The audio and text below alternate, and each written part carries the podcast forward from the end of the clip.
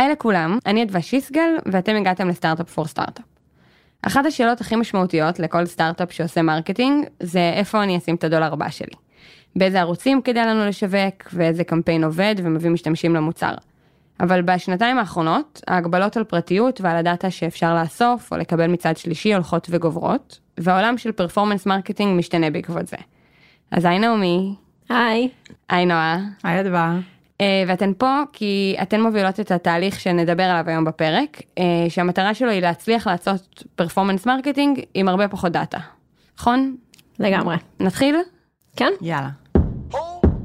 Startup for startup for startup.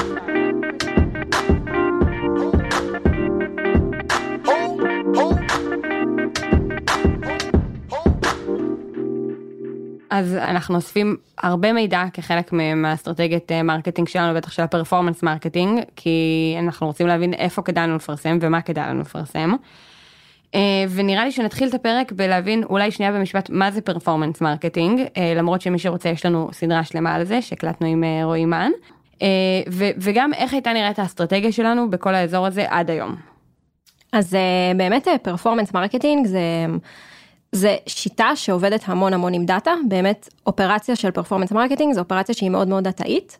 למה הכוונה? זה אומר שאנשים שמנהלים קמפיינים בפלטפורמות שונות, אם זה יוטיוב, אם זה גוגל, אם זה פייסבוק, אם זה גם טוויטר וטיק טוק, בימים, בתקופה האחרונה, אז הם בעצם מסתכלים על נתונים ולפי זה מחליטים איך, איך לנהל את הקמפיינים שלהם, איך עכשיו לשנות את הקריאייטיב או לשנות את הבידים. ובאמת כל הדבר הזה מצריך המון המון דאטה, הרבה איסוף של דאטה. בשביל שהם יוכלו לראות איזושהי ככה תמונת אמת לגבי הקמפיינים שלהם. ומה הכוונה בדאטה? זה בעצם היכולת שלנו להגיד שמישהו נחשף למודעה של מאנדיי והגיע לאתר שלנו. בעצם ככה אנחנו יכולים לעשות, זה מה שנקרא tracking בשפה המקצועית. וזה מה שמאפשר לנו לדעת להגיד על קמפיין, האם הוא טוב או לא, אם יש לי קמפיין, שהרבה אנשים ראו בו מודעות, אבל אף אחד לא הגיע לאתר ואף אחד לא נרשם למוצר. כנראה הקמפיין פחות מוצלח. ואם יש לנו קמפיין שהביא הרבה אנשים שנרשמו לאתר, ואחרי זה נגיד הפכו ללקוחות משלמים, אז בעצם אני יכולה לדעת שזה קמפיין שהוא יותר מוצלח. כל הדבר הזה באמת מתבסס, שוב, על היכולת שלנו, על user level data tracking, היכולת לדעת מי ראה מודעות והגיע אלינו לאתר, לבלוג, לכל דף שהוא. וזה בש... באמת מה שמאפשר לנו בסוף למדוד קמפיינים ולהחליט איפה לשים את הדולר הבא שלנו. אם יש לי קמפיין שהוא פחות מוצלח, כנראה לא נשקיע בו עוד כסף. זאת אומרת, יש לכם נניח דוגמה לאיזשהו קמפיין, מודעה, לא יודעת, שפרסמנו, ואז מה קורה מהרגע שאנחנו מפרסמים את המודעה, עד הרגע שאנחנו מבינים אם זה עבד או לא עבד, איך זה נראה? אוקיי, okay, אז בעצם יש כאן שני צדדים. נגיד באמת שמתי קמפיין בפייסבוק, הרצתי פרסומות של מאנדיי בפייסבוק. אז מהצד אחד יש לנו בעצם את הפעילות ואת המדידה שלנו בפייסבוק, זה אומר שאנחנו נתנו לפייסבוק למשל עשרה דולרים כדי להריץ את הפרסומות שלנו על אוכלוסייה מסוימת, שכנראה את אדווה היית כלולה בה. מתוך הכסף הזה ששמנו, למשל, נגיד 20 אנשים ראו את הפרסומות, אחת מהן זו את אדווה, אחר כך את נכנסת למאנדיי, מיד בעקבות המודעה, אולי יומיים אחרי שראית את המודעה, אבל את ראית את המודעה, ובמקביל לזה, אחרי זה את גם נכנסת למאנדיי. עכשיו מתחיל החלק השני, שזה בעצם ה tracking שלנו במאנדיי. לנו יש את ה tracking שלנו באתר ובפלטפורמה שלנו ב monday.com. אנחנו יודעים להגיד שאת, אדווה, נכנסת לאתר, הסתכלת על התוכניות שלנו ועל המוצרים שלנו ומה אנחנו מציעים, אחר כך אולי אפילו נרשמת והתחלת trial, אחרי שהתחלת trial אולי אפילו הפכת ל user משלם, וכולי וכולי. ואז אנחנו עושים בעצם את החיבור של שני הדברים האלה, אנחנו יודעים מצד אחד להגיד שאת אדווה נכנסת לפייסבוק וראית את המודעה, יודעים להגיד מצד שני מתוך ה tracking שלנו במאנדיי שאת אדווה נכנסת למאנדיי, נרשמת וכולי וכולי ועשית את כל הפעילות שלך באתר, ואז אנחנו עושים את החיבור הזה. ואז אה, מנהל הקמפיין של פייסבוק יודע להגיד, הנה אני הבאתי את אדווה שאחר כך נכנסה לפ... לאתר שלנו, למאנדיי.קום, נכנסה, עשתה אינטראקציה עם האתר, באמת אולי אפילו נרשמה ואפילו שילמה, וזה בעצם מראה לו איזושהי, איזושהי אינדיקציה חיובית לזה שהקמפיין שלו הוא אפקטיבי וכדאי להמשיך אותו ולהשקיע ביותר דולרים. אז אנחנו בעצם לא מדברים על נתונים כמו גיל או תעשייה, לא יודעת, של משתמש, נכון? זה פחות מעניין אותנו, אלא באמת העיקר פה מבחינתנו הוא היכולת שלנו לקשר בין אדם שצפה בפרסומת לבין אדם שנכנס למאנדיי ונרשם. בדיוק. למשל. נכון. אה, אוקיי, אז, אז הבנו איך היינו עד עכשיו ואיך מדדנו, אבל בעצם כל הדבר הזה קורה במקביל לאיזה שהם תהליכים אה, שקורים בעולם, והם מובילים לשינוי הזה שאנחנו מדברות עליו. אז, אז תנו לי קצת רקע של, של מה קורה בשנה, שנת, שנה, שנתיים, כמה שנים האחרונות. אז באמת בשנים האחרונות יש שינוי שהוא ככה די מש, מאוד משמעותי אה, אה, בעולם והוא מאוד מאוד משפיע על, על תעשיית ה marketing. אם אמרנו כמו שנועה הסבירה ממש טוב, שלנו יש איזושהי יכולת לחבר בין זה שאת אדווה פה אצלנו ומצד שני גם ראית מודעה בפייסבוק, אז בעצם הדבר הזה הולך וככה נעלם. אה, ראינו את זה כבר קורה ב... בפייסבוק, זה מתוכנן לקרות גם עם אה, יוטיוב, אה, וזה בעצם השיח שהתחיל לגבי פרטיות והמידע שאנחנו יכולים לאסוף על אנשים והמידע שחברות יכולות לשתף על מה שקורה עם היוזרים שלהם. אה, בעצם המון המון רגולציה שהיא סביב פרייבסי. אז, אז באמת הדבר הזה ככה הוא קורה בכמה רמות. קודם כל יש המון רגולציה ברמת המדינה, אה, או נגיד אה, GDPR שזה ממש ברמת אירופה, זאת אומרת יבשת שלמה. כל GDPR רק נגיד מי שלא מכיר זה ה-General Data Protection Regulation נכון זה רגולציה אה, של האיחוד האירופי שבאה להסדיר את כל הנושא של, ה, אה, של פרטיות. בדיוק, ובעצם היא, היא אמ, מגבילה את מה שהיה יחסית חופשי עד לא מזמן, אה, והיא שמה איזה שהן מגבלות על דאטה שחברות יכולות לאסוף, זה קורה אה, באירופה, זה קרה גם בקליפורניה, בעצם לחברות אמ, יותר ויותר קשה לאסוף דאטה על המשתמשים שלהם. הרמה השנייה שהדבר הזה קורה בה זה, זה בעצם החברות המפרסמות עצמן, זאת אומרת גוגל, פייסבוק, הן בעצם רוצ, הן לא נותנות את אותו המידע שהם נתנו בעבר על מה שקורה בפלטפורמה שלהם, על מי שנחשף למודעות ומה הוא עושה אחר כך. צריך להגיד שזה לא, זה לא שפייסבוק וגוגל הן, הן אלטרואיסטיות, ברור שבסוף הן, ההכנסות שלהן מגיעות מפרסום, אבל בעצם גם הן מתמודדות עם השינוי הזה, זאת אומרת גם הן נתונות לרגולציה, וגם הן צריכות להתאים את עצמן לעידן החדש. והדבר הזה קורה גם ברמת הממש מערכת ההפעלה. אנחנו רואים הרבה עדכוני גרסאות, למשל של אפל, iOS 14, iOS 15, שבעצם לא מאפשרות אה, לעשות tracking באותה מידה שהיה אפשר לעשות בעבר. בעצם כל הדבר הזה ביחד מאוד מקשה עלינו אה, כמפ, כ, כחברה שמפרסמת, שמתבססת הרבה על performance marketing, זה מאוד מקשה עלינו לאסוף דאטה שאנחנו בסוף מסתמכים עליו בשביל למדוד את הפעילות המרקטיאלית שלנו. כן, אני חושבת שגם אה, בטח רובנו מכירים את זה מהיום יום, אה, סתם אני יודעת שבדיוק עברתי לאפל אה, ופתאום קופצות לי כל הזמן נוטיפיקציות, כל אפליקציה חדשה, שאפל מבקשת אישור, אני צריכה לתת אישור דרך אפל האפליקציה לעשות עליי tracking, או מלא אתרים שנכנסים אליהם, נכון? ופתאום קופץ האם אתם מסכימים לשמור cookies או לא. כאילו אני חושבת שגם ביום יום כמשתמשים אנחנו מאוד מאוד חווים את השינויים האלה. נכון, אז זה משהו שמי שעוקב אחרי העולמות האלה ממש יכול לראות את זה, בכל חודש מתפרסמת איזושהי רגולציה חדשה, והדוגמה שנתת זה דוגמה ממש טובה לזה, בעצם אה, איזושהי אה, מגבלה שמונעת ממפרסמים, למשל כמו מאנדיי, אה, לאסוף מידע על המשתמשים שגולשים למשל אה, בדפדפן כרום. לגמרי, זה ממש... אה, זה באמת ה pop-up של cookie consent, זה משהו שהיום אי אפשר לפספס, זה, זה נמצא בכל אתר, ובעצם מי שלא מסכים לזה, אין עליו cookies, ה tracking לא יעבוד כמו שהוא עבד לפני. אני רוצה רק להוסיף שאני חושבת שזה ממש מעניין איך אה, תהליכים אה, שהם כאילו חברתיים, פוליטיים, כביכול לא קשורים בכלל אה, לנושא שלנו עכשיו, בסופו של דבר משפיעים על זה, כי זה הכל התחיל בעצם מאיזושהי התעוררות של תנועות של אנשים שבעצם נלחמו בה, באיסוף המידע היחסית מסיבי שחברות גדולות עושות עליהם, ובעצם למשל קיימברידג' אנליטיקס זה סרט שיצא ועורר הרבה גלים והדים, ואז באמת היו הרבה מאוד שינויים והרבה מאוד רגולציות, GDPR זה דוגמה ממש מצוינת לזה, ואז בסוף הדברים האלה, התנועות היותר חברתיות פוליטיות האלה, מגיעות אלינו, כי בסוף כאילו החברות יוצרות כל מיני הגבלות שמונעות מהם מאיתנו לאסוף אה, מידע על היוזרים שלנו, ואז בסוף זה מגיע אלינו ל marketing כדי לנסות להבין איך אנחנו יכולים להתמודד עם, ה, עם האתגר הזה ולנסות להבין את הפעילות המרקטיאלית שלנו מבלי היכולת אה, לאסוף דאטה למשתמשים שלנו. כן, זה האמת נושא סופר אקטואלי. היום, אתמול בדיוק היה כזה מלא כתבות, אה, זה שה-GDPR בעצם הורה לפייסבוק אה, שהם לא יכולים לשמור מידע של משתמשים מאירופה אה, בשרתים שלהם בארצות הברית. זאת אומרת, זה ממש תהליכים ענקיים, נכון, משמעותיים, שקורים עכשיו, שנוגעים לאפשרות של חברות לאסוף דאטה, וגם לדאטה ש... שצד שלישי מוכן לסחור בה, מוכן לאפשר גישה אליה, וזה משפיע על, על כל האסטרטגיית marketing שלנו, נכון? לגמרי, זה ממש, זה אחד האתגרים הכי בוערים שיש היום. בתעשייה הזאת של performance marketing, ואנחנו ממש, אה, כאילו נתחבר למה שאמרתם, אנחנו ממש בעיצומו של, ה, של השינוי הזה, זה ממש בשנים האחרונות, וזה ילווה אותנו לעוד כמה שנים.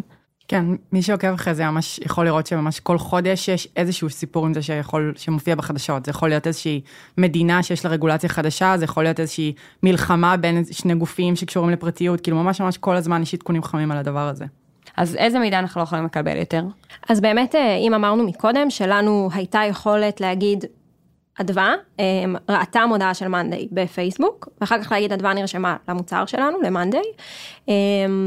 אז אין לנו יכולת להגיד את זה היום, ברמה, ה, מה שנקרא אירו level data, זאת אומרת, אנחנו לא יכולות להגיד את זה ברמתך.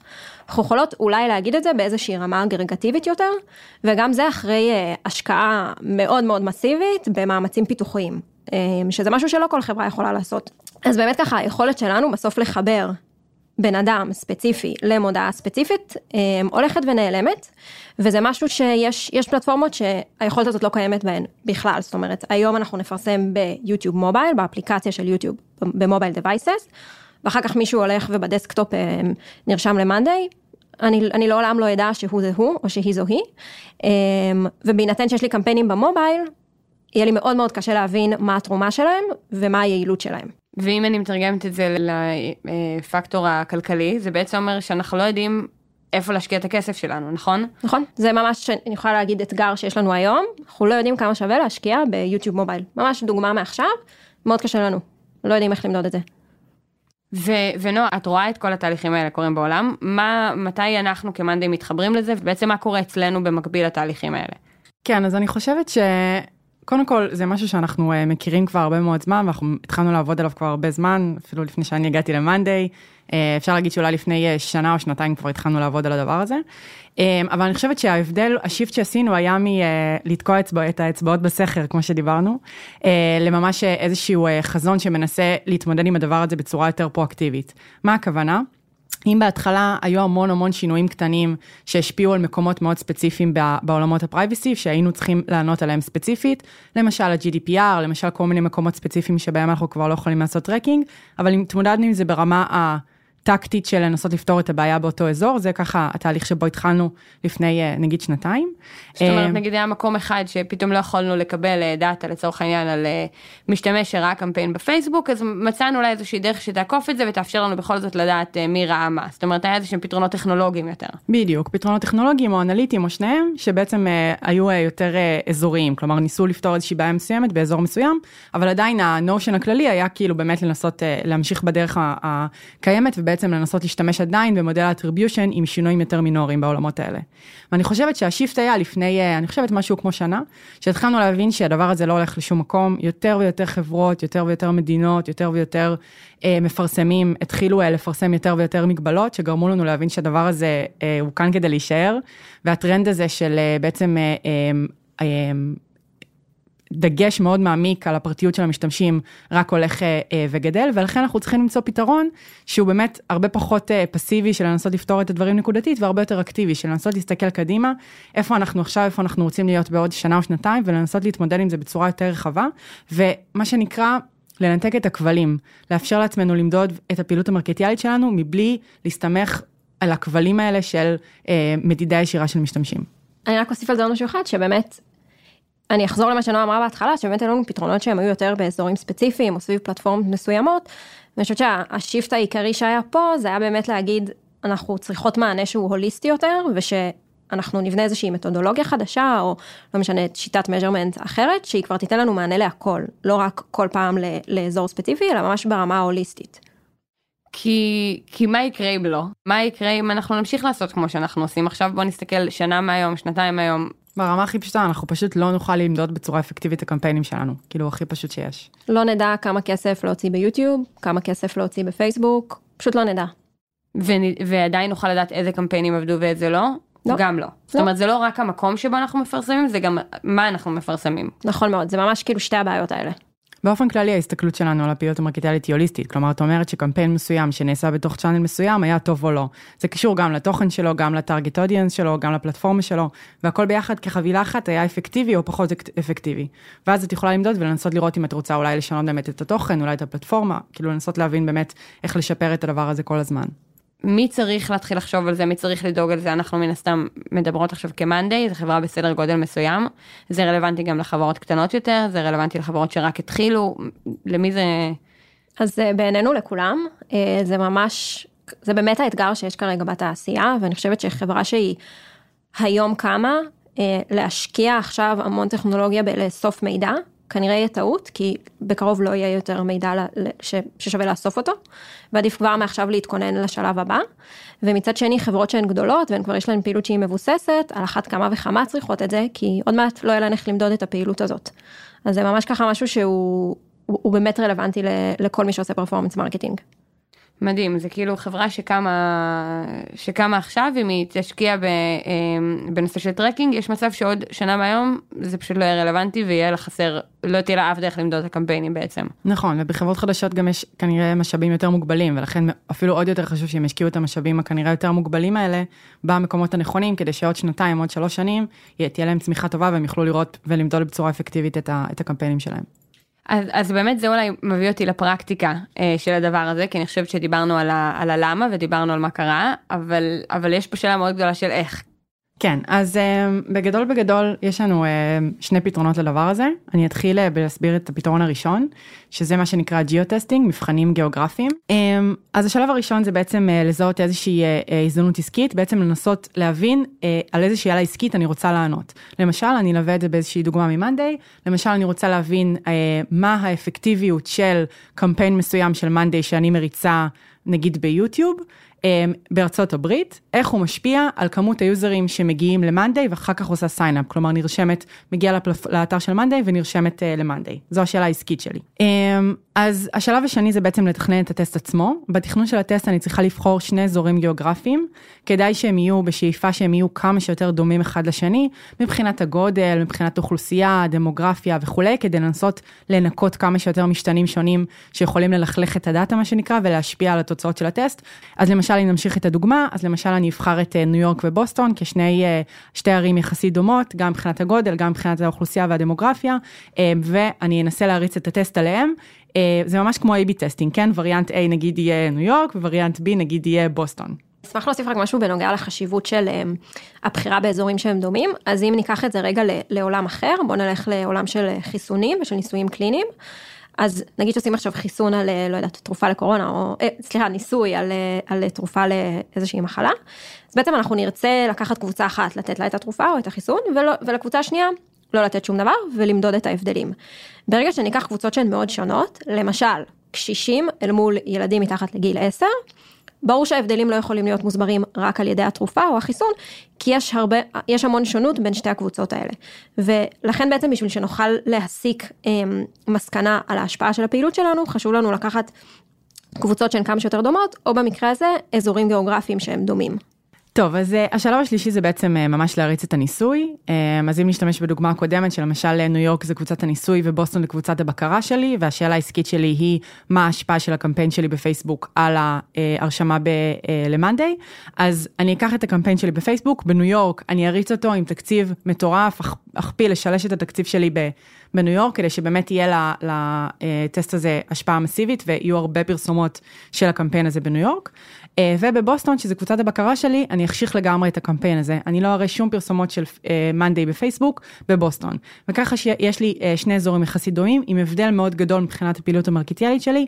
בניו יורק יש לי פעילות מסיבית של, ה, של הקמפיין הזה, ובבוסטון אין לי פעילות בכלל. השלב הבא זה בעצם לאסוף את הנתונים, אני מריצה את הטסט לאיזושהי תקופת זמן שהחלטתי, למשל לחודש, אז במשך החודש הזה אני מוודאת שבאמת אין שום פעילות מרקטיאלית שקורית בבוסטון, ושיש פעילות מרקטיאלית מסיבית שקורית בניו יורק, למשל על הקמפיין שלי בפייסבוק, ואני אוספת את הנתונים. מה זה הנתונים האלה? אני רואה כמה אנשים הגיעו אה, למאנדיי, לאתר של מאנדיי מניו יורק, וכמה אנשים הגיעו למאנדיי אה, מבוסטון, וגם כמה מהם עשו sign up לאתר, שאני מזכירה שזו בעצם השאלה העסקית שלנו. אה, השלב הבא זה בעצם לנתח את הנתונים, ברגע שהטסט יסתיים ואספתי מספיק דגימות, למשל הרצתי את הטסט למשך חודש, אז השלב הבא זה בעצם אה, לראות את האפקט של, ה, אה, של הטסט. האם באמת יש הבדל משמעותי בין קבוצת הטסט שלי, שפה זה ניו יורק, וקבוצת הבקרה שלי, שהיא בוסטון, אה, על השאלה העסקית שלי, שהיא כמות הסיינאפים אה, למאנדיי. האם באמת יש משמעותית, מסיבית, הרבה יותר אנשים שהגיעו מניו יורק לאתר, ונרשמו אחר כך גם למאנדיי. שיש איזשהו פרק זמן מינימלי, או כמות אנשים מינימלית, שאנחנו נרצה אה, לבדוק את זה עליהם? כן, אז יש ממש עולם סטטיסטי שלם של אה, הרצה של אה, אה, טסטים כאלה, של אה, אה, מבחנים כאלה ושל ניתוח נתונים. אני לא אכנס לפה כי זה מאוד מאוד סטטיסטי, אבל יש על זה הרבה חומרים ואתם גם מוזמנים לפנות לנעמי ואליי בהקשר הזה, אה, אה, ואנחנו נשמח לעזור עם כל מיני חומרים, אבל יש בעצם, זה קצת כמו טסטים אה, שמריצים באמת במחקרים קליניים. יש איזושהי נקודה שבה הטסט הוא מה שנקרא statistically significant, כלומר, הוא מראה איזשהן תוצאות שהן מובהקות מבחינה סטטיסטית, ואנחנו יכולים להתחיל להסתכל עליהן ולנסות להסיק מהם מסקנות על מה שקורה במציאות, מה שנקרא.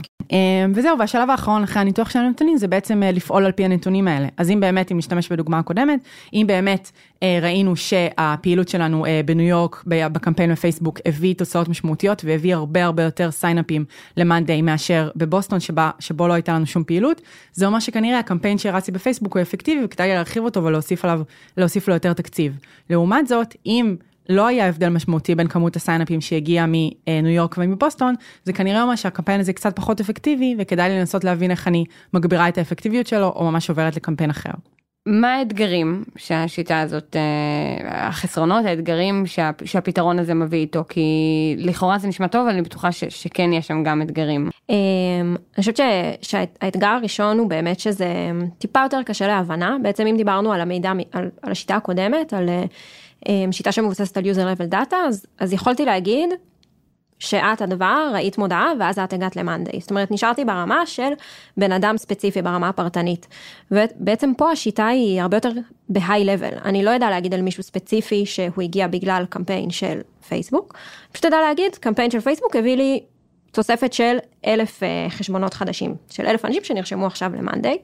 אז זה ככה אתגר ראשון שהוא באמת אולי יותר באזורי ה-enablement וה-education הפנימי בתוך, ה, בתוך ה, אה, המחלקה והחברה. אה, אתגר נוסף זה באמת היכולת שלנו לזוז מהר. בעצם geo testing זה טיפה דומה ל-AB טסט, בשביל ש... שנוכל באמת להסתמך על התוצאות שלו ושיהיה מובהק סטטיסטית, אפשר לעשות שינוי אחד, גג שניים, בכל פעם. אה, וזה אומר שאם עכשיו יש טסט בניו יורק ובבוסטון, אי אפשר לייצר עוד שינויים קיצוניים באחד מהאזורים האלה, כי זה ילכלך לנו את הדאטה. אה, אז בעצם אם אני עכשיו, אם אנחנו עכשיו מודדות קמפיין של פייסבוק, אי אפשר לצאת עם איזושהי פעילות חדשה באחת מהערים האלה, כי זה יטה לנו את הטסט. וזה קצת מאלץ אותנו לרוץ יותר לאט. כמובן שגם פה אפשר לתת איזשהו מענה עם חלוקה לאזורים, אבל בסוף זה כן משהו שהוא טיפה, טיפה יותר מקשה. וכן צריך להגיד גם שהשיטה הזאת בעצם היא לא, זה לא מדובר במשהו שהוא רציף, בעצם הטסט מאפשר לנו, כאילו חושף לנו רגעים של אמת אפשר להגיד, על, ה, על ההשפעה של הקמפיינים שלנו, של הפעילות המרקטיאלית, בזמן מסוים, באזור מסוים. אני לא יכולה להשליך ממה שקורה ב-US, על מה שיקרה באוסטרליה או בבריטניה, ואני גם לא יכולה להשליך על מה יקרה עוד שנה קדימה, כי אנשים הם שונים, והשוק יהיה שונה, והתחרות תהיה שונה. אז בעצם מדובר בשיטה שמגלה לנו ככה מה, מה ההשפעה, זה איזושהי נקודות של אמת, בזמן מסוים, באזור מסוים. אין לנו פה דרך למדוד את ההשפעה של קמפיין מסוים באופן רציף. אנחנו נצטרך לתכנן טסטים מראש, וכל פעם לייצר אותם, וככה לגלות מה קורה. ובעצם כעבור תקופה לעשות שוב טסט על, על אותה פעילות או על אותו marketing source, כדי לבדוק שוב את ההשפעה ולראות האם הדברים השתנו או לא. ו- וגם אני מבינה שמה שאתם אומרות שקצת קשה לבודד uh, משתנים בשיטה הזאת נכון כי אם עכשיו פרסמנו בניו יורק ובבוסטון, ובבוסטון לא ואז יש סגר בניו יורק אז והלכנו על קמפיין שהוא של שלטי חוצות אז אולי זה יטה את זה לגמרי ומצד שני אם הלכנו על קמפיין בפייסבוק אולי זה יראה קפיצה מטורפת רק כי אנשים יותר בפייסבוק איך מתמודדים עם זה. אז זה ממש מדויק מה שאמרת, זה באמת אתגר ש, שקיים בשיטה. מתמודדים עם זה קודם כל עם הדאטה, אנחנו נראה התנהגות שונה, כנראה בכלי שבו אנחנו מודדות את הטסט. ויהיה לנו כנראה יותר קשה לראות תוצאות שהן סטטיסטיות, צריך פה תמיד להיות מאוד מחוברים גם למה שקורה בפועל, ולדעת מה יכול להשפיע לנו על הנתונים בזמן אמת, זה משהו שגם מאוד יכול להשפיע על הדיזיין של הטסט, במידה ובאמת יכולנו לדעת את זה בזמן.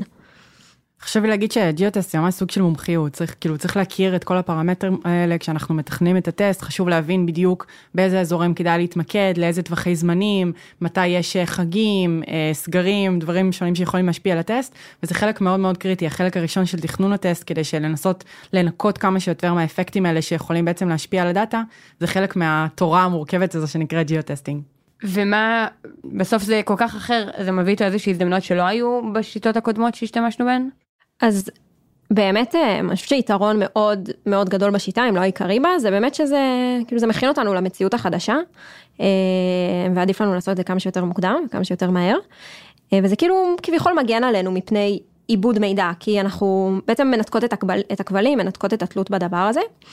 ואני חושבת שזה גם מאפשר לנו למדוד פעילויות בצורה יותר טובה ממה שעשינו לפני. בעצם לפני זה באמת השתמשנו ככה במידע הפרטני שהיה לנו, אה, ויצרנו איזשהו סט של חוקים, והחלטנו שאיתו הולכים. זאת אומרת, זו האמת שלנו, ככה אנחנו יודעים לחבר בין קמפיין מסוים לסיינאפים מסוימים.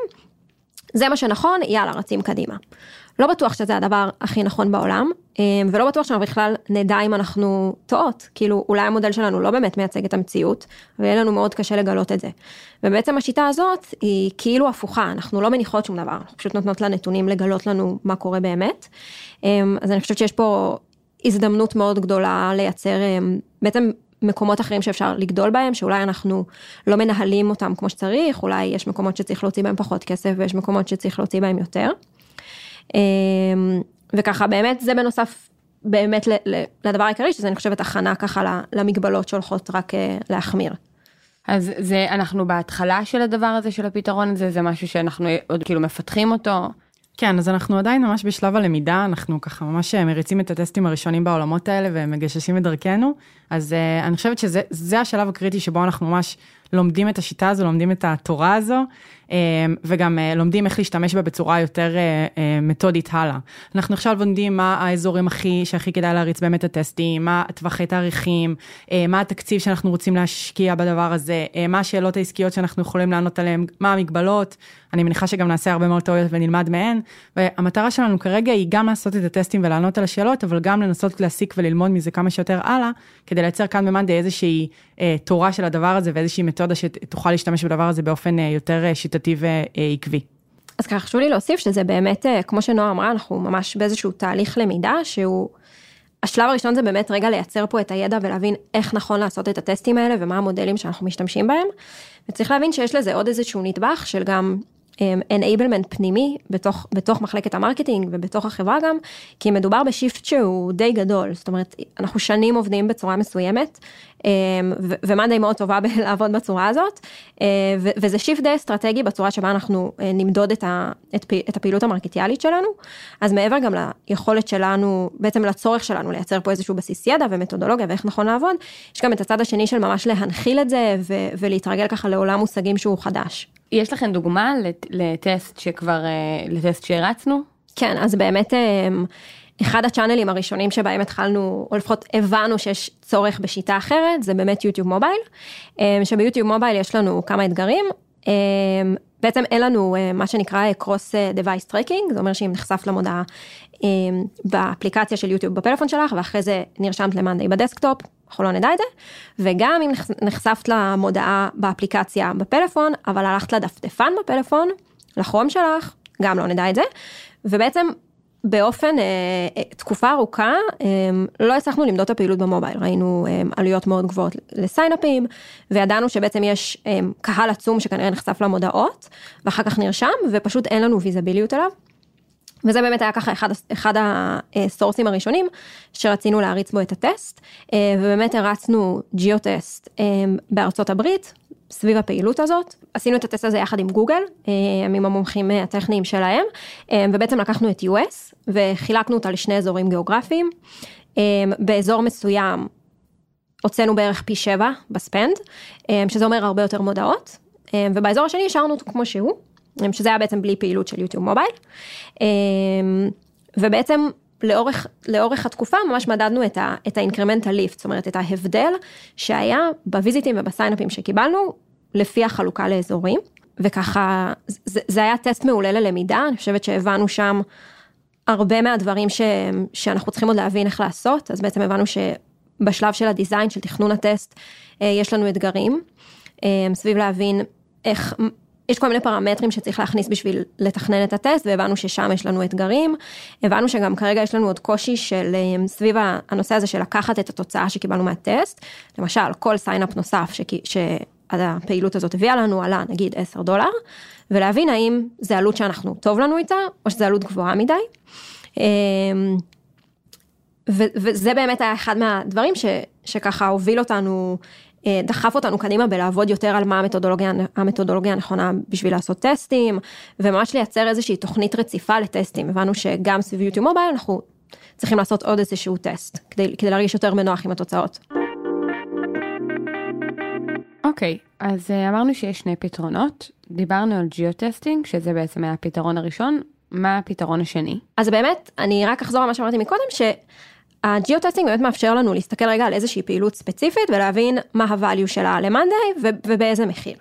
אמ, שזה מעולה, אבל באמת בחברה שמנהלת תקציב performance marketing והיא רוצה להקצות אותו לרבעון הבא או לחודש הבא, צריכה להחליט כמה כסף לשים בכל מקום. אמ, ובשביל הדבר הזה באמת צריך להסתכל על כל הדברים ביחד אמ, ולתכנן ככה איפה יהיה נכון לשים את הדולר הבא. אז באמת, הפתרון שמאפשר אה, לתכנן איך להקצות את התקציב ברמה ההוליסטית, אמ, זה איזשהו מודל, זה נקרא marketing mix model. פה ספציפית זה פתרון שאוהד, ה data scientist המדהים שלנו, אה, ככה עמל עליו ומפתח אותו כבר כמה חודשים. באמת מודל יחסית מורכב, אז, אז נדבר על זה יחסית בקצרה. אבל בגדול זה מודל שמאפשר לנו לראות את התרומה של אה, ערוצים שונים, בעצם להבין באיזה שלב אנחנו נמצאים, בוא נגיד בחיי הערוץ, או כמה הפעילות שלנו שם היא באיזשהו מצב של רוויה, כלומר כבר לא הכי משתלמת. אמ, ולפי זה לתת לנו איזשהו, המודל בעצם מוציא איזשהו פלט, איזה שהן המלצות, לגבי איך לתכנן אה, את התקציב, איך לחלק אותו בין הסורסים השונים שיש לנו, והוא גם מאפשר לנו אמ, לעשות את זה, ואחר כך להשוות בעצם מה קרה, נניח שהקשבנו להמלצות של המודל, אנחנו נבדוק האם הביצועים אחר כך היו טובים יותר באמת, כמו שהמודל אה, חזה. ומה שחשוב להגיד פה זה שבעצם הדבר הזה הוא מאוד מסתמך על geo testing. בעצם המודל בשביל להיות כמה שיותר קרוב לאמת, אמ, אנחנו צריכים להזין בו תוצאות של geo testing, שהן בעצם מגלות לנו את האמת בנקודת זמן ספציפית. אז במודל של US, גם חשוב להגיד, הדבר הזה הוא רלוונטי per אזור. אמ, אנחנו נרצה להזין כמה שיותר תוצאות של טסטים, שעשינו בסורסים השונים, בשביל שהמודל ילמד מהתוצאות האלה, ובאמת ככה אנחנו נוכל לתכנן את התקציב שלנו בהתאם למה שגילינו מהטסטים האלה. כן, ואם נחבר את שני הפתרונות, אני חושבת שאפשר לדבר על זה ברמת המיקרו והמקרו. geo testing נותן ש... תשובות לשאלות קצת ברמת המיקרו, למשל מנהל או מנהלת קמפיינים יכולים לענות על שאלה האם הקמפיין הספציפי שהרצתי הוא אפקטיבי או לא, אם כדאי להמשיך אותו או לא. אה, ומודל ה-MMM שבאמת משתמש גם בנתונים מה geo testing השונים שאנחנו מריצים, נותן תשובה קצת יותר במקרו. למשל יוני, ה-VP marketing שלנו, רוצה לדעת אה, איך לחלק את אה, עוגת התקציב המרקטיאלית שלנו לשנה הבאה, הוא יכול להשתמש במודל הזה כדי לענות על השאלה הזו וגם ללכת ולשפר את זה כל הזמן. כלומר, המודל לומד כל הזמן את הג'יוטסטים החדשים, ונותן תשובות חדשות ומעודכנות לאן כדאי להשקיע את הכסף ואיך כדאי לחלק את העוגה, ואז אנחנו יכולים לזוז אה, בהתאם למה שהתוצאות של המודל אומרות. כן, אני חושבת שזה חידוד טוב, כי באמת יש פה, נכון, יש פה שתי שאלות. התחלנו את הפרק ודיברנו על שאלה איפה אני שם את הדולר הבא שלי, וזה יכולה להיות שאלה שהיא פר שבוע, זאת אומרת איפה אני מפרסמת את הקמפיין אה, שבוע הבא, אם אני ממשיכה להריץ אותו בפייסבוק, אולי אני מעבירה אותו לגוגל, אולי ליוטיוב mobile. ויש שאלה יותר גדולה שזה ברמה האסטרטגית של, של החברה, איך אני רואה את ה marketing שלי בשנה, ברבעון הבא, זאת אומרת ממה שלמדתי. אה, וזה באמת המודל שמאפשר. עכשיו אמרתם שזה כלי שאנחנו מפתחים פנימית, יש כלים כאלה שהם, שקיימים היום בשוק, כאילו ש, שחברות יכולות להשתמש בהם? כן, אז יש כלים מצוינים של חברות חיצוניות, אני יכולה לציין למשל את Skai ואת Measured, זה שתי חברות אה, מעולות שעושות, אה, שמספקות כלים וגם מספקות את כל התמיכה מסביב אה, כדי לעזור לחברות שמתחילות את הצעדים הראשונים בעולמות ה geo testing, להריץ להם את הטסטים הראשונים, ואני חושבת שאם יש איזושהי עצה שאני יכולה לתת לחברות שמתחילות להתעסק בעולמות האלה, בגלל שעולם ה geo testing זה עולם מאוד מאוד מורכב, יש חברות חיצוניות שכבר מכירות ויש להם את הידע ואת ההבנה בעולמות האלה, וכדאי, לא שווה להמציא את הגלגל מחדש, כדאי לנסות להשתמש בידע ובמומחיות שלהם, כדי להריץ לפחות את הטסטים הראשונים. כן, גם, אני חשוב להגיד שיש חברות שחצי שנה או שנה רק מפתחות מודל MMM או עובדות על האזורים האלה, זה באמת ככה אזור שהוא יש עליו הרבה, צריך לעשות עליו הרבה עבודה. זו גם באמת הייתה הסיבה אה, שהיה לנו חשוב לעשות את הפרק הזה ו- ויחסית אה, התקדמנו איתו מאוד מהר כי אה, הגעתם, נשתף שהגעתם עם הרעיון ו- והבנתי שזה, הבנו שקיים פה משהו שהוא באמת מאוד בחיתולים ושבניגוד לפעמים תהליכים שכל חברה עוברת בנפרד בזמן שלה, כמו שאמרת, יש פה איזה תהליך שהוא יותר גדול מחברה אחת, זה תהליך פוליטי, חברתי שקורה עכשיו. אה, שלחברות אין כל כך ברירה אלא ללכת איתו, כאילו זה לא משהו שאפשר אה, אה, להתנגד אליו, באמת רצינו רגע לעצור, וגם אם יש הרבה דברים שהם לא מפוצחים אצלנו עדיין, לשתף את מה שכבר כן למדנו עד עכשיו, בגלל שזה מין we're all in this together כזה. ואולי באמת אם התחלנו לדבר על דברים ש- שלא פיצחנו עדיין, אז, אז מה יש? איזה, איזה דברים יש שאנחנו, שאנחנו עוד לא שם? אז אני חושבת שקודם כל אנחנו, אולי אמ, בראש אנחנו כבר שם, אנחנו כבר מאוד עובדים ועובדות על, על הפתרון, אבל צריך להגיד שאנחנו עדיין עובדים אמ, בהרבה מהאזורים בשיטה הישנה. אמ, בעצם עוד אין לנו מעטה, מענה נרחב שמבוסס רק על geo testing, אנחנו עדיין נסמכים גם על השיטה הישנה.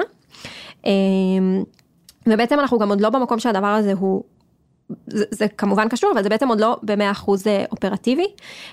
זאת אומרת שאנחנו עוד לומדים רגע איך לעשות geo testing ואיך לאפשר למנהלי קמפיינים לעשות את זה בעצמם, בעצם לא לייצר איזשהו צוואר בקבוק אצלנו, שכולם תלויים או בצוות שלנו או ב data scientist, זה משהו שאנחנו רוצות להנגיש לצוותים עצמם, כדי שזה יוכל להיות אופרטיבי. אה, וזה ככה משהו שאנחנו עוד באמת אה, בתהליכים של לבנות אותו, כי שוב זה באמת איזשהו shift שהוא הוא, הוא גדול אה, בתוך הפעילות של המחלקה. אני חושבת שכרגע באמת אה, האתגר המרכזי זה כמו שנעמי אמרה, להבין איך אנחנו באמת אה, עושים את ה shift הזה וגם לנסות להבין מה הדרך הכי טובה, המתודה הכי טובה להריץ טסטים, להבין מה האזורים הכי טובים, מה ה spend הכי טוב וכולי וכולי. ואני חושבת שהאתגרים של מחר, האתגרים הבאים שננסה להתמודד איתם, זה לנסות לקחת את המודל הזה, את המתודה הזו, ולהבין איך אנחנו עושים את זה ב scale הגדול ש monday עובדת בו, בקצב המאוד גבוה שמאנדי עובדת בו. בעצם כל השינוי הזה מצריך גם איזשהו שינוי והתאמה ל- ל- לעולם של monday. אנחנו רגילים לענות על שאלות מאוד מאוד מהר, לעבוד עם תקציבים מאוד מאוד גדולים של מיליוני דולרים כל חודש אה, בעולם ה marketing, אה, ועולם ה geo testing צריך לעבור איזושהי התאמה כדי שאנחנו נדע איך להשתמש בו, מבלי שזה יעכב את ה scale שלנו, את הקצב שלנו. אז אני חושבת שזה מה, הדבר הבא שנצטרך להתמודד איתו בעול, בעולמות האלה.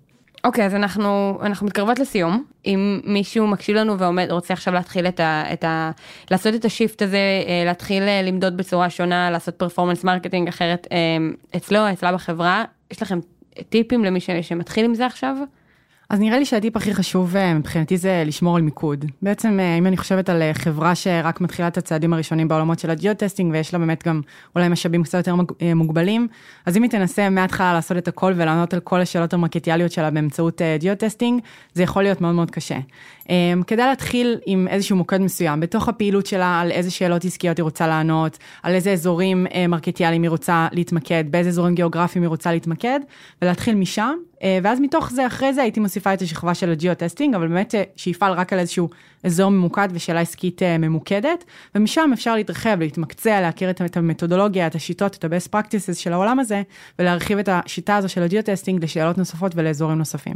מעולה. אמ, אז זהו, אז, אז אנחנו מסיימות, אמ, ואני אגיד שאם אה, זה, זה באמת נושא חדש, אז אם יש לכם אה, עוד שאלות אלינו, שאלות לנעמי, שאלות לנועה, אה, אפשר לשאול אותן בעמוד הפייסבוק שלנו, בקהילה, אפשר לשאול אותן באתר שלנו, אמ, והם יענו לכם. אמ, ואם אתם רוצים לדעת כל פעם שיוצא פרק חדש, אז אתם יכולים ללחוץ על כפתור הפעמון בספוטיפיי, או לעקוב אחרינו בכל אחת מהאפליקציות. ותודה נעמי, ותודה נועה, ממש תודה כיף רבה. שהייתם. תודה אדווה. ממש. אה, זהו, תודה רבה, תודה לכם שהאזנתם. תודה רבה. תודה. For for.